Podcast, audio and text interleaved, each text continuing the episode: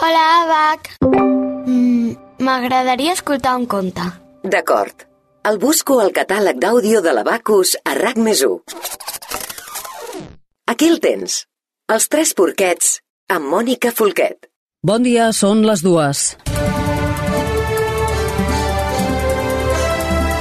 14-15, amb Mònica Folquet. Avui us informarem d'uns fets que han posat en guàrdia tots els habitants del bosc, que estem atents a totes les novetats del cas i us n'anirem informant. Hi havia tres porquets que eren germans i vivien amb la mare al cor del bosc. Com que ja eren prou grans, van decidir independitzar-se i anar a viure sols, cadascú per la seva banda. Ho explica RACU, la mare porqueta. Jo ja els vaig dir que viure sol està molt bé, però que havien d'anar molt de compte amb els perills del bosc i especialment amb el llop, que sempre està atent a veure què pot caçar. El porquet petit va anar per feina i es va fer una casa de palla d'una sola planta, amb un lavabo, dues habitacions i una cuina-menjador amb vistes a la Fageda. I un cop feta, se'n va anar a passar l'estona al bosc. El germà mitjà es va construir una casa de fusta, amb porxo, amb tres habitacions al darrere. Quan va veure que el porquet petit ja havia acabat, es va afanyar a enllestir-la per anar-se'n a jugar amb ell. Mentrestant, el germà gran, que estava construint a poc a poc una casa a quatre vents de dues plantes feta de totxo vermell, tancaments de ferro forjat, plaques solars i instal·lació antirobatori, els va avisar que havien anat massa ràpid i que les cases no eren prou segures. També són declaracions a rac ja veureu què fa el llop amb les vostres cases prefabricades. Només penseu en anar de festa amb la resta d'animals del bosc per celebrar l'aniversari del senyor Mussol i ajudar les cuques de llum a preparar un piro musical per l'ocasió.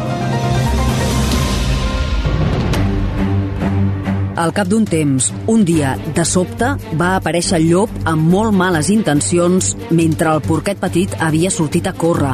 Va tornar com un llamp a la casa de palla i va tancar la porta darrere seu mentre el cor li sortia per la gola.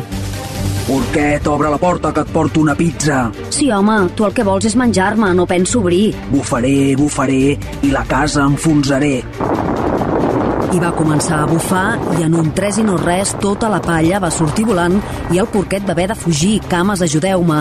Va arribar cridant a casa del germà mitjà que descansava al porxo mentre recordava la meravellosa actuació de les seves amigues les cuques. Tots dos es van tancar espantats darrere de la porta de fusta. Porquets, obriu-me la porta que us vinc a fer la maricura. Sí, home, tu el que vols és menjar-nos amb una poma a la boca. Ah, sí? Bufaré, bufaré i la casa em carregaré.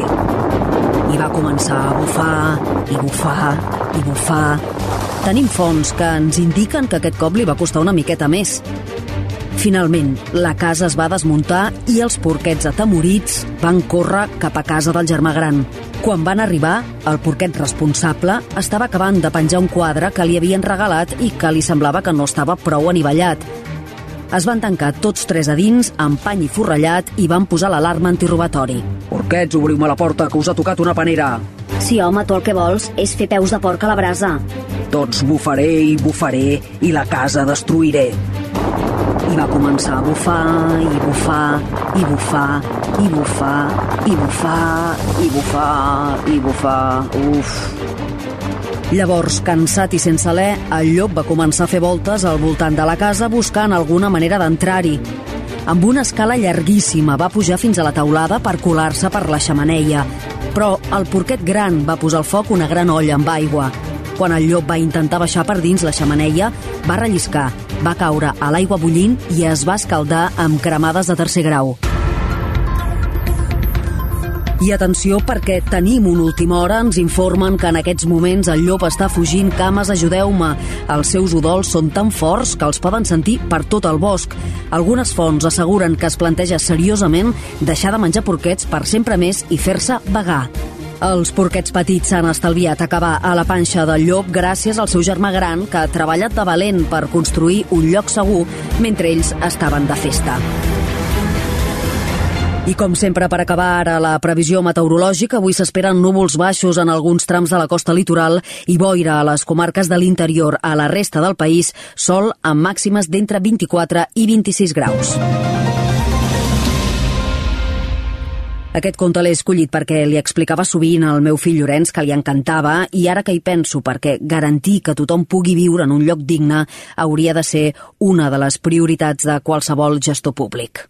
A Abacus trobaràs la millor selecció de llibres infantils i d'adults.